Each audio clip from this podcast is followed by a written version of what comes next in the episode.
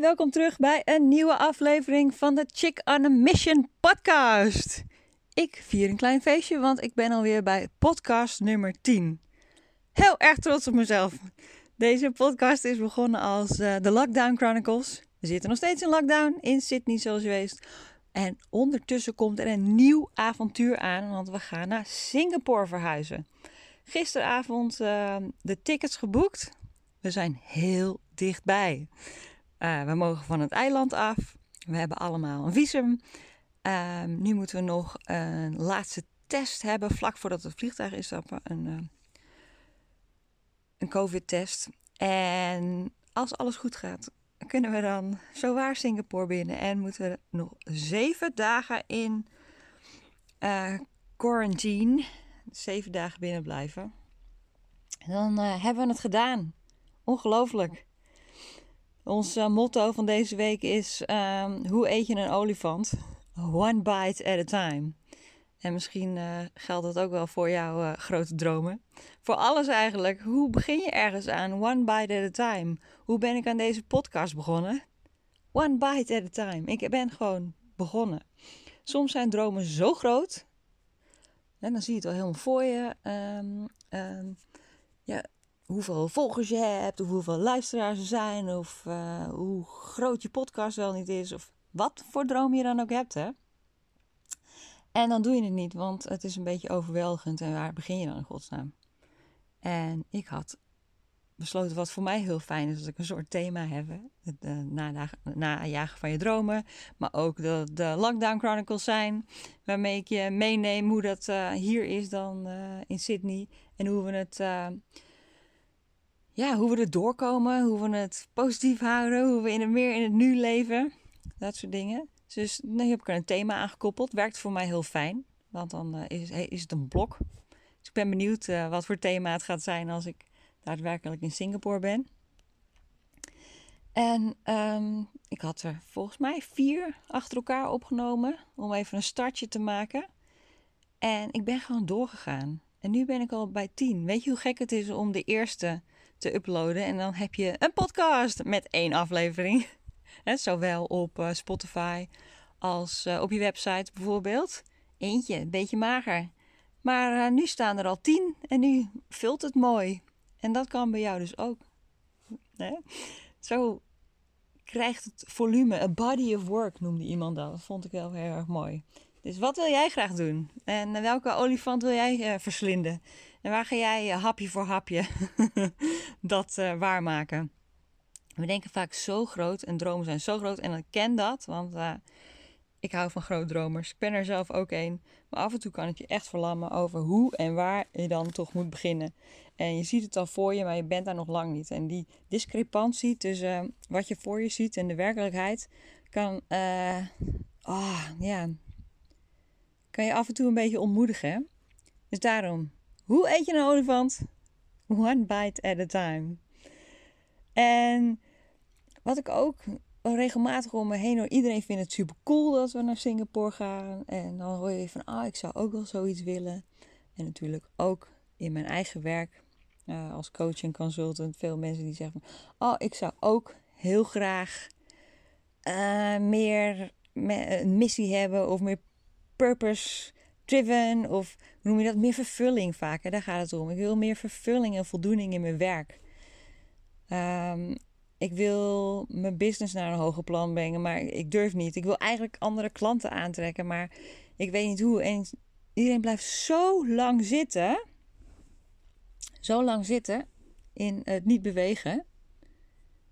En soms is het ook gewoon even suddertijd, hè. Suddertijd mag. Soms is het niet het moment dan um, wil je misschien nog even uh, wat groeien. Of als je kijkt naar de piramide van Maslow, ken je die? Hierarchy of Needs. Waar zit je in je piramide? de onderste laag is um, uh, een dak boven je hoofd, voedsel, safety. En daarna uh, ga je steeds een stapje omhoog.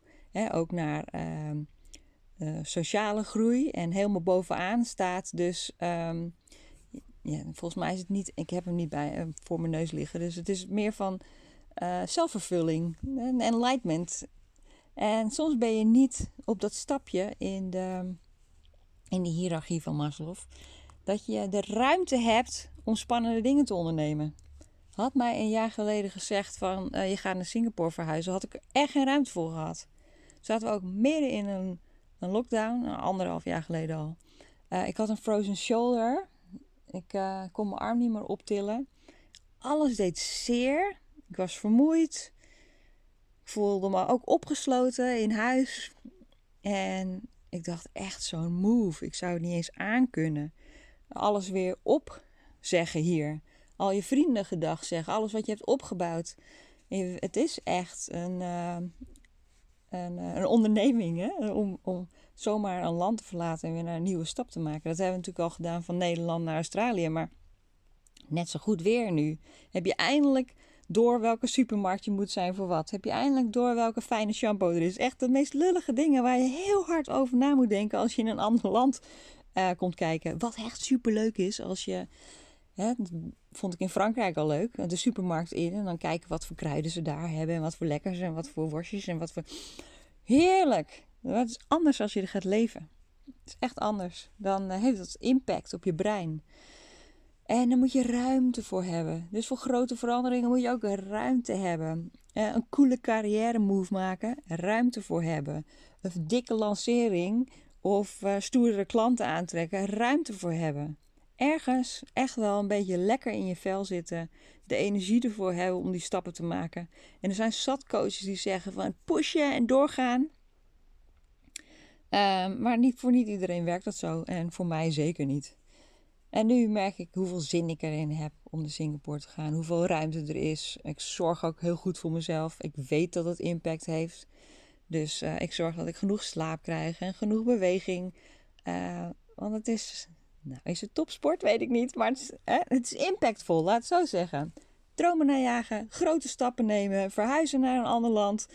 Uh, een big business opzetten, een stoere carrière move maken. Heeft allemaal impact kun je dat fysiek, emotioneel, eh, emotioneel en uh, ja, in je hoofd kun je het aan.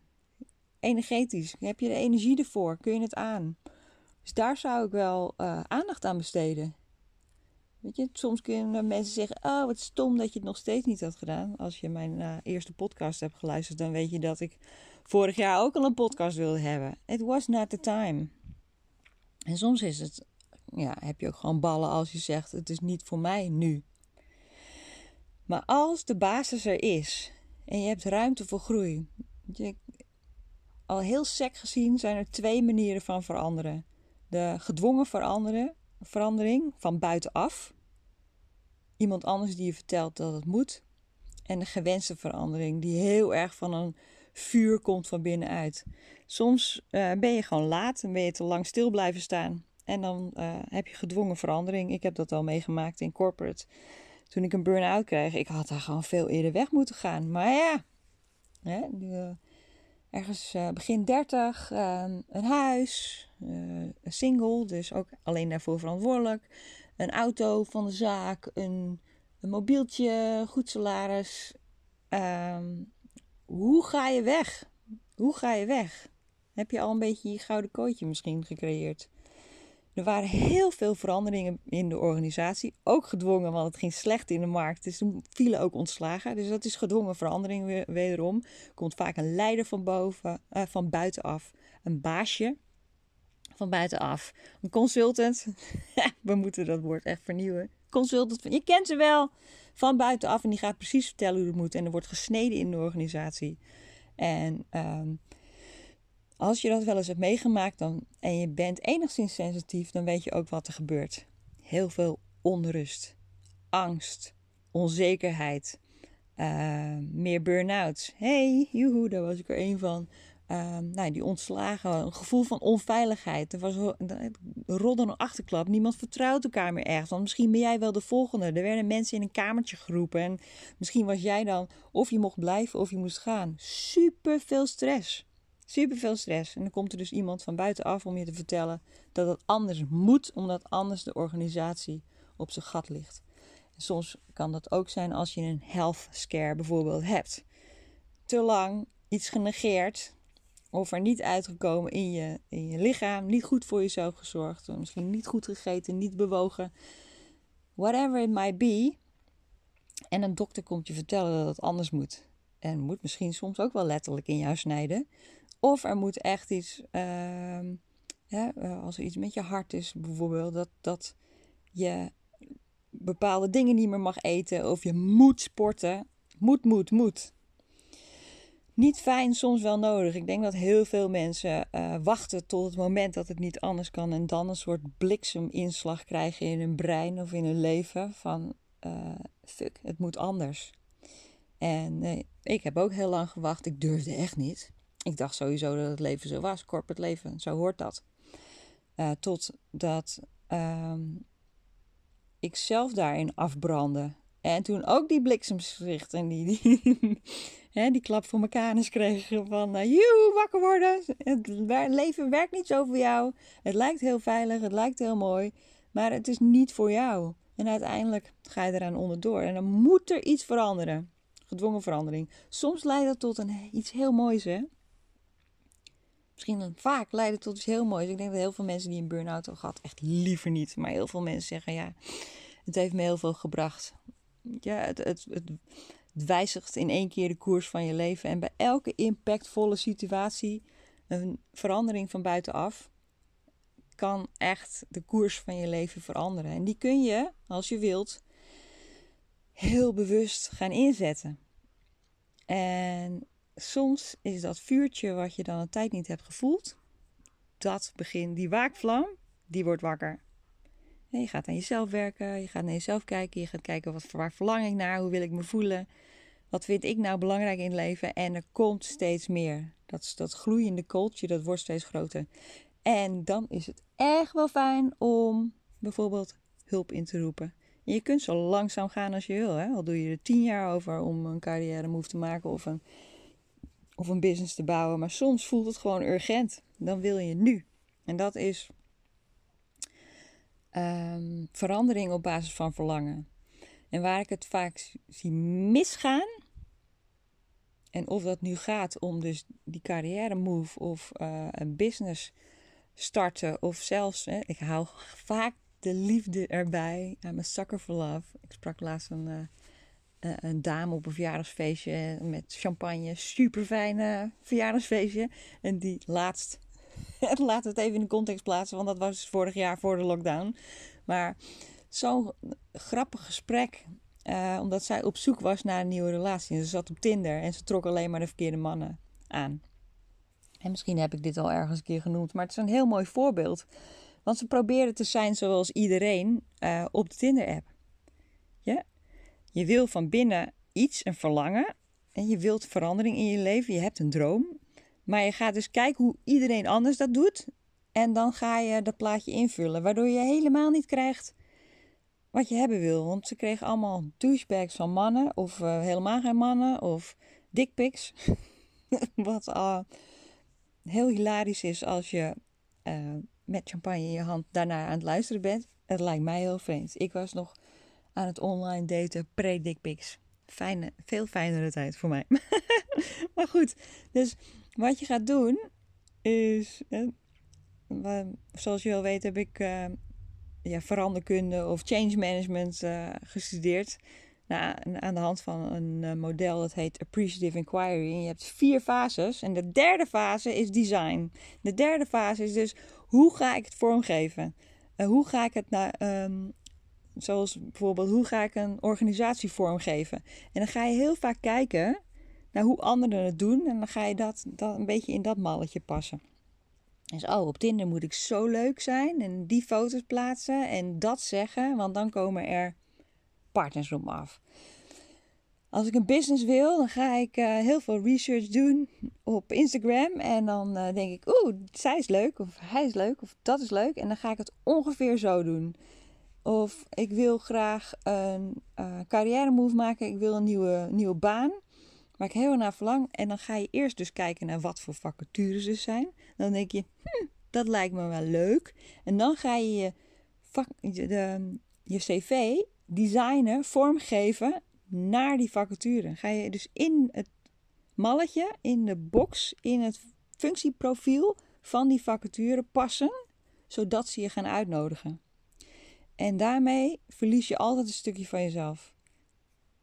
In de liefde, je krijgt niet de juiste partner. In de business, je bouwt de verkeerde business. In een baan.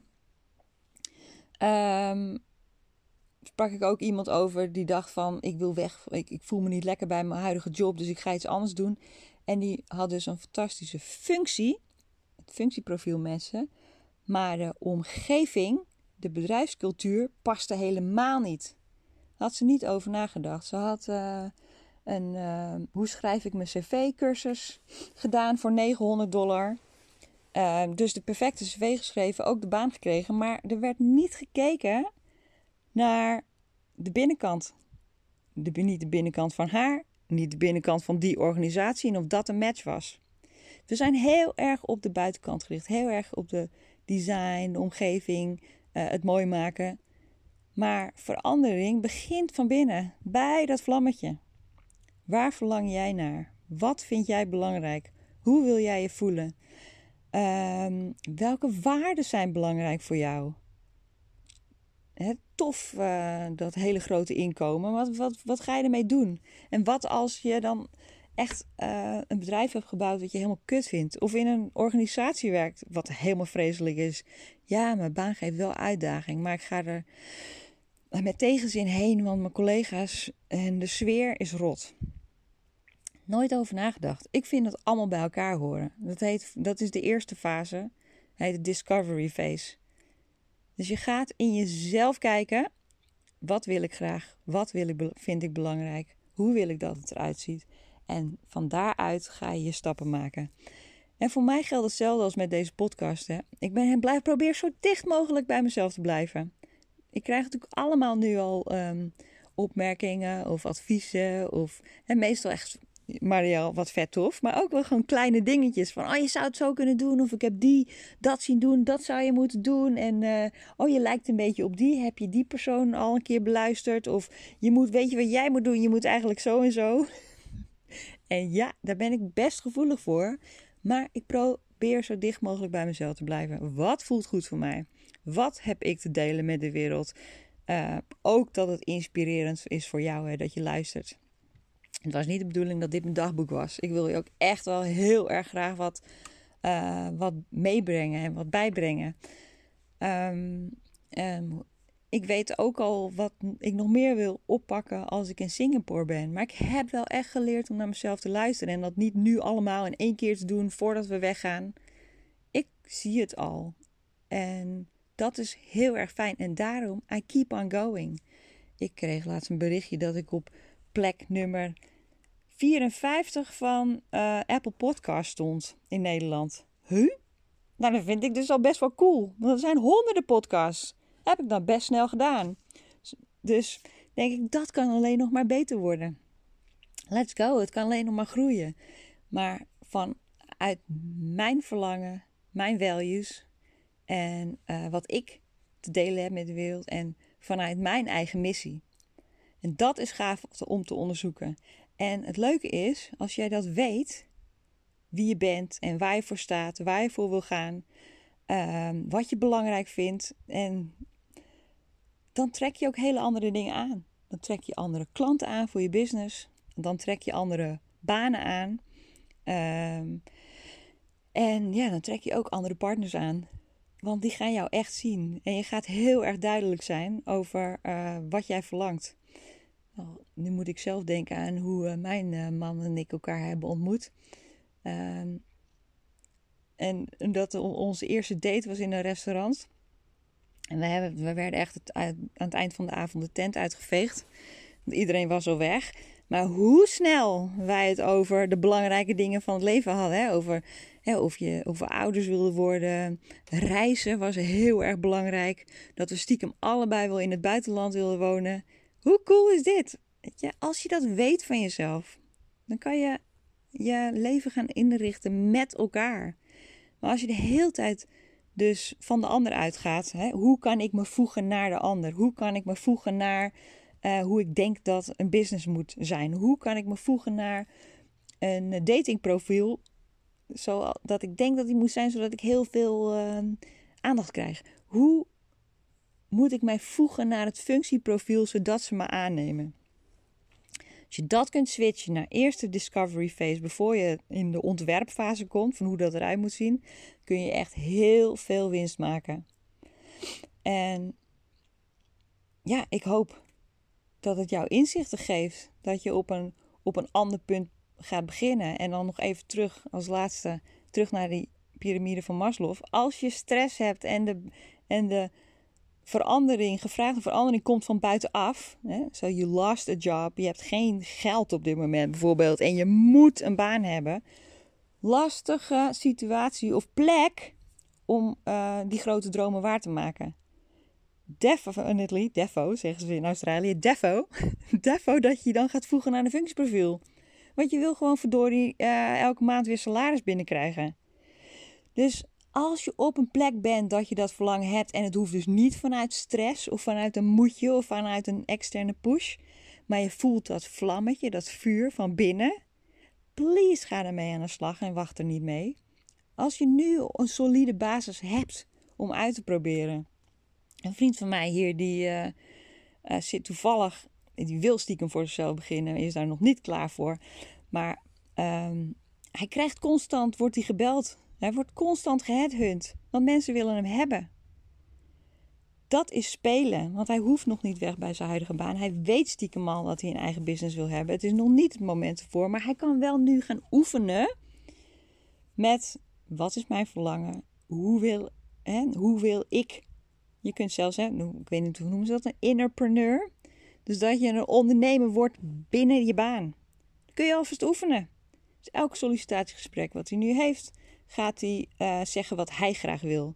Gaat hij zeggen wat zijn verlangen is. Gaat hij zeggen waar hij naartoe wil groeien. En dan dachten ze misschien dat ze hem gebeld hadden voor functieprofiel X. Maar hij zit daar nu met stoere vragen. hey, uh, bedrijf, hoe zijn jullie values eigenlijk? Waar willen jullie naartoe groeien? Wat is hier eigenlijk belangrijk? En ik zie dit en dit en dat. En hoe gaan jullie dat veranderen? Zo'n stevige plek. Omdat, hè, na, veel gesprekken die wij samen hebben gehad, dat veel steviger staat in. Um, dit ben ik en dit, wil, dit is degene die ik wil zijn en dit vind ik belangrijk. Hoe fijn is om op die manier een nieuwe relatie in te gaan, een, een sollicitatiegesprek in te gaan en een business te beginnen vanuit vertrouwen en vanuit verlangen en vanuit je eigen values.